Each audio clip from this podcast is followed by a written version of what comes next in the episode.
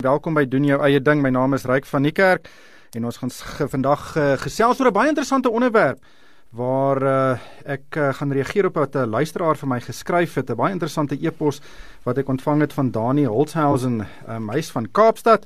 Hy uh, beskryf homself as 'n gebore entrepreneur. Hy sê hy besit twee restaurante. Hy sê ongelukkig nie presies waar hulle is nie.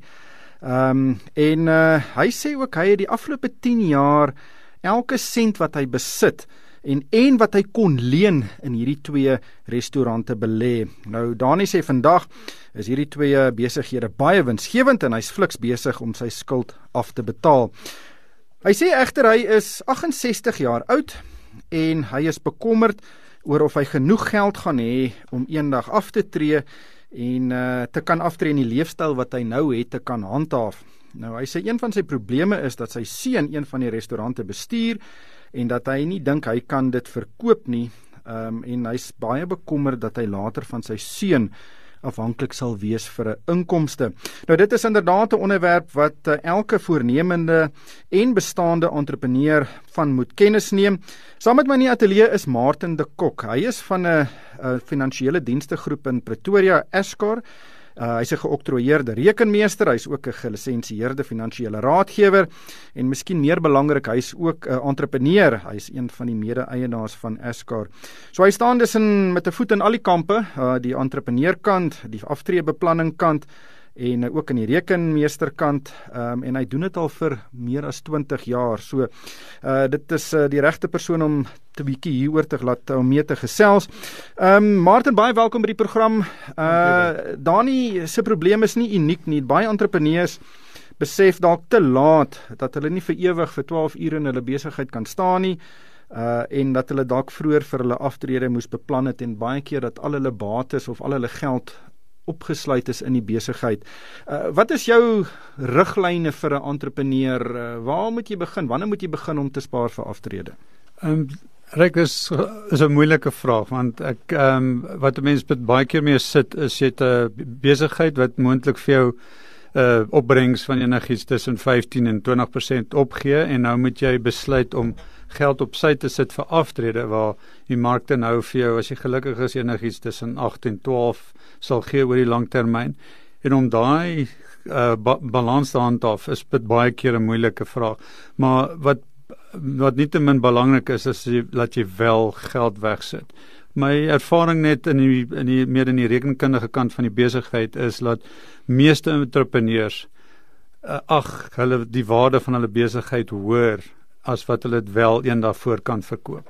En nou in gedagte jy gaan nie noodwendig vir alles dit arbeidsintensiewe besigheid gaan jy nie noodwendig die energie hê om as jy 65 en ouer is om nog elke dag by die besigheid te, te kan uitkom nie.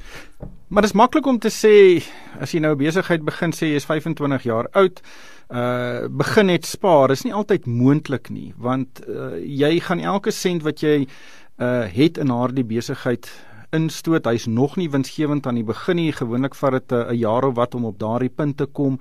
Dan begin die geld inkom en dan moet jy gaan skuld terugbetaal. Uh, daai daai tydsberekening van wanneer jy wanneer verdien jy nou genoeg wins om ook te te begin spaar. Is daar 'n formule? Daar's nie 'n formule nie, maar ehm um, veral met entrepreneurskap is nuwe besigheid aan die gang uh, kry. Is is jou inkomste strome baie keer baie wisselvallig en ehm um, in die geval wanneer daar uh, jou begroting is verskriklik belangrik uh om 'n begroting op te uh, op te stel vir beide jou besigheid en persoonlik. En ek dink dis waar baie entrepreneurs 'n uh, groot fout maak is daai persoonlike finansies en besigheidsfinansies word vermeng. En jy dink tog as jou eie besigheid so jy kan maak met die geld wat jy wil, maar deur jou persoonlike finansies en jou besigheid te skei en vir beide 'n begroting uh, te gebruik is waar jy suksesvol gaan wees. Want jy gaan weet wanneer daar geld beskikbaar is om te kan gebruik.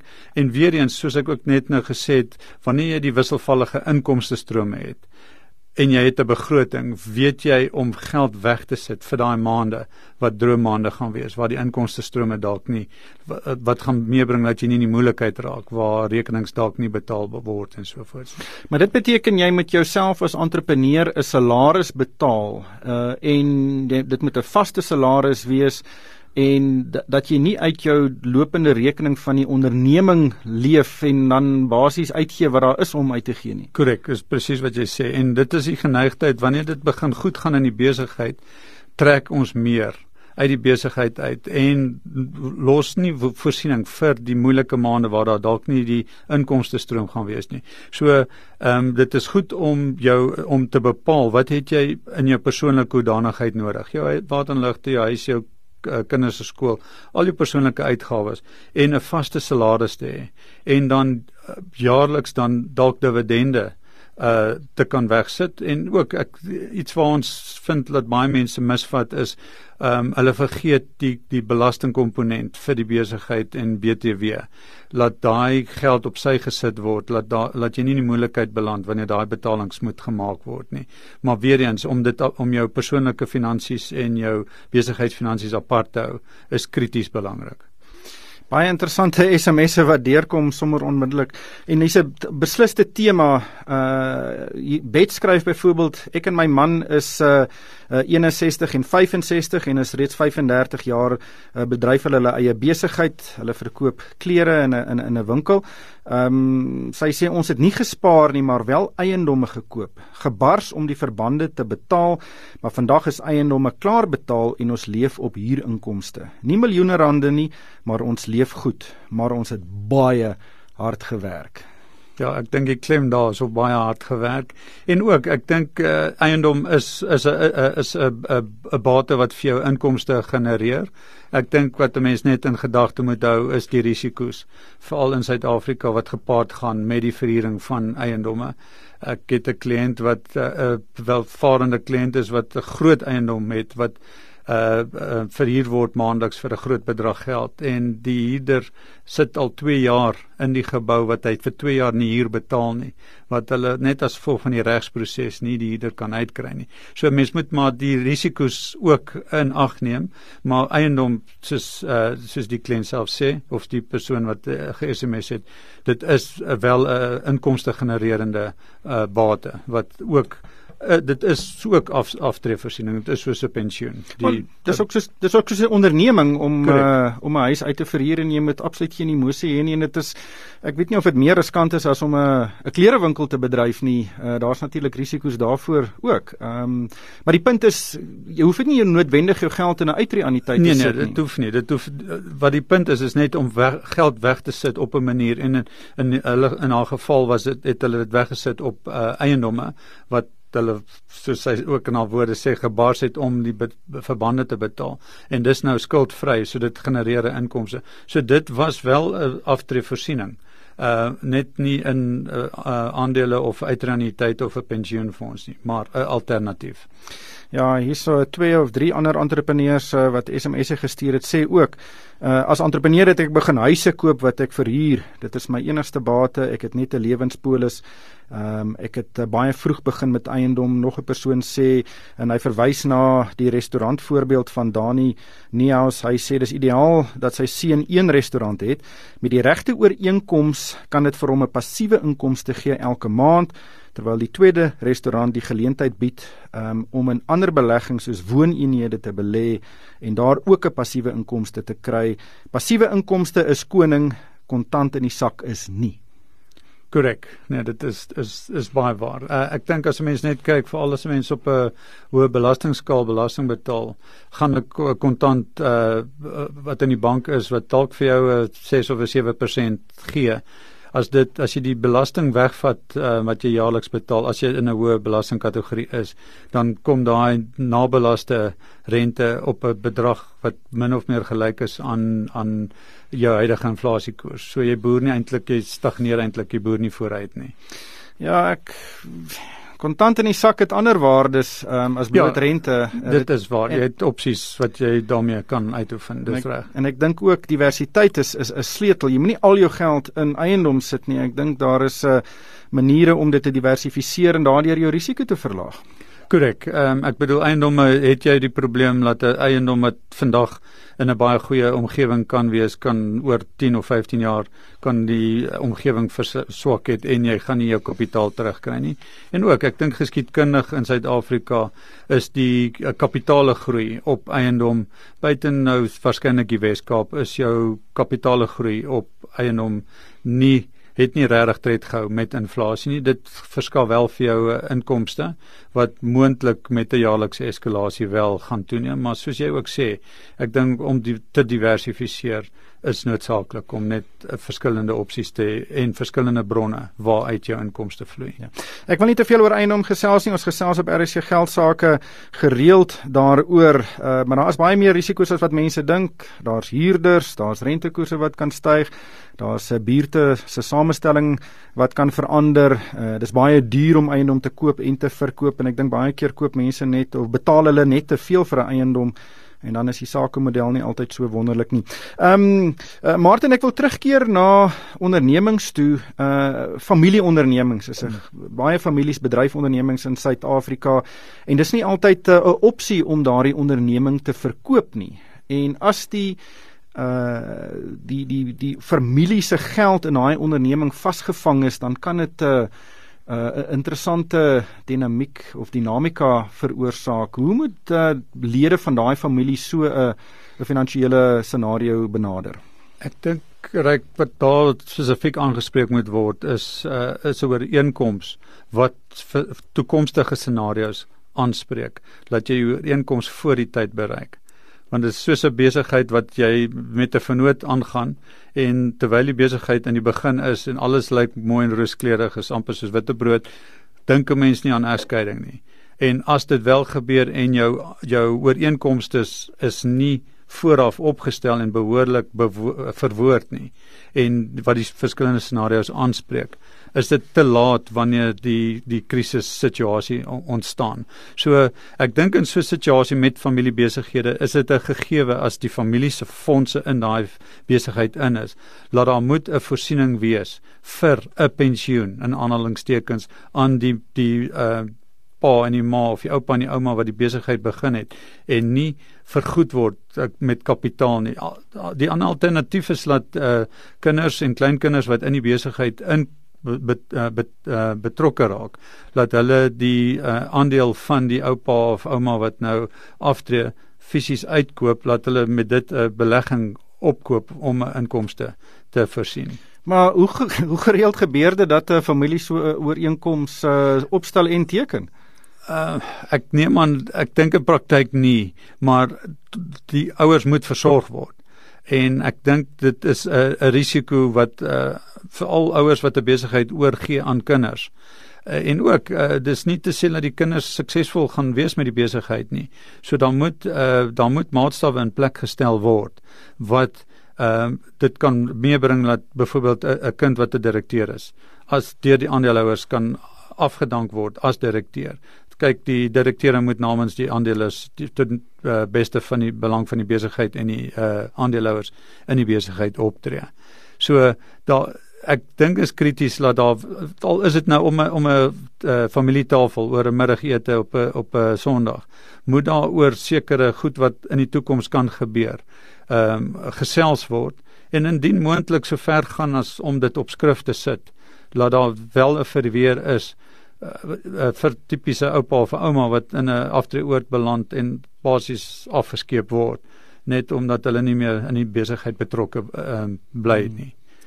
Uh, julle paar SMS'e ook nog interessant is ek het my besigheid begin in 1985 het in 'n pensioenfonds belê behoort teen 65 oor 5 jaar 2 miljard uh, 2 miljoen rand te kry wat ek gedink het sou genoeg wees, het ook drie eiendomme. Uh, my besigheid is in 'n nismark, maar niemand sonder my ondervinding sal daarmee kan aangaan nie. Uh, en dit lyk of dit in die mediese veld is. Dis ook 'n probleem. Ja, dit is 'n probleem. Ek dink uh, en dit is 'n uh, uh, jou probleme daar ontstaan is ehm um, is die konsep van van mentorskap En uh mentorskap is om 'n persoon te identifiseer wat die die wil en die die passie het vir die bedryf waarna jy is en so 'n persoon oor tyd op te lei om die besigheid by jou uh oor te neem. En ook uh, weer eens omdat daar kapitaal te sprake kom kan die persoon Engels praat van sweat capital waar die ou die besigheid aan die gang hou en nog steeds 'n maandelikse inkomste of 'n dividend uitbetaal aan die persoon wat besig is om uit die besigheid uit te tree. Maar dit kan nie gebeur omdat dit 'n nismark is, kan dit nie gebeur as daar nie daai proses van mentorskap vooraf gegaan het nie. So as daar nog tyd is, so eerder nou as later om so gou as moontlik iemand te identifiseer wat by die in die besigheid wil betrokke raak. Ja. Nog 'n SMS teken 'n aftrek order vir 'n uh, uittreë anniteit. Kners maar op jou tande elke maand en betaal die ding, dit sal jou in die toekoms help. Ehm um, ek is 'n groot voorstander van anniteite net vanweë die belastingvoordeel. Ehm um, en ook ehm um, daar is twee anniteite, jy het versekeringsanniteite en jy het 'n uh, platform beleggingsplatform anniteite. Die beleggingsplatform anniteite is uh, gewoonlik se kostes uh, administratiewe kostes is laag. So die beginsel van 'n debietorder teken is 'n baie goeie beginsel. Dis moontlik nie altyd prakties vir iemand wat 'n nuwe besigheid sou begin nie, want soos ek net nou genoem het, jou inkomste vloei gaan nie dalk altyd baie egalig wees nie. So en dis weer eens waar die voordeel van die platform aan die tyd inkom is jy kan met 'n platform aan die tyd ad hoc betalings maak enige tyd.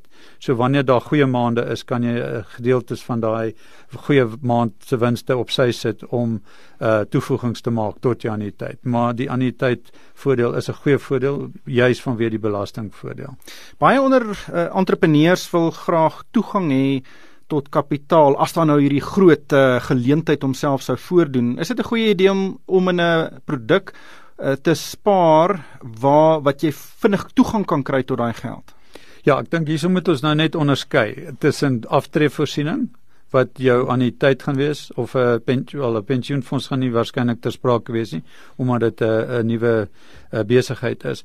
Maar die alternatief is om geld weg te sit vir potensiële uitbreidingsmoontlikhede. Daai geld gaan jy in baie lae risikofondse moet sit het sy 'n geldmark of inkomstefondse omdat die geld moontlik baie op 'n kort uh, kennisgewing toegang uh moet kry om uitbreiding dan dan te fasiliteer. So mense moet onderskeid maak. Jy gaan nie die jou uitbreidingskapitaal vermeng met aftreegeld nie. Dit moet apart gehou word. Omrede die die tydshorison van die twee tipe uh, beleggings is heeltemal uiteenlopend.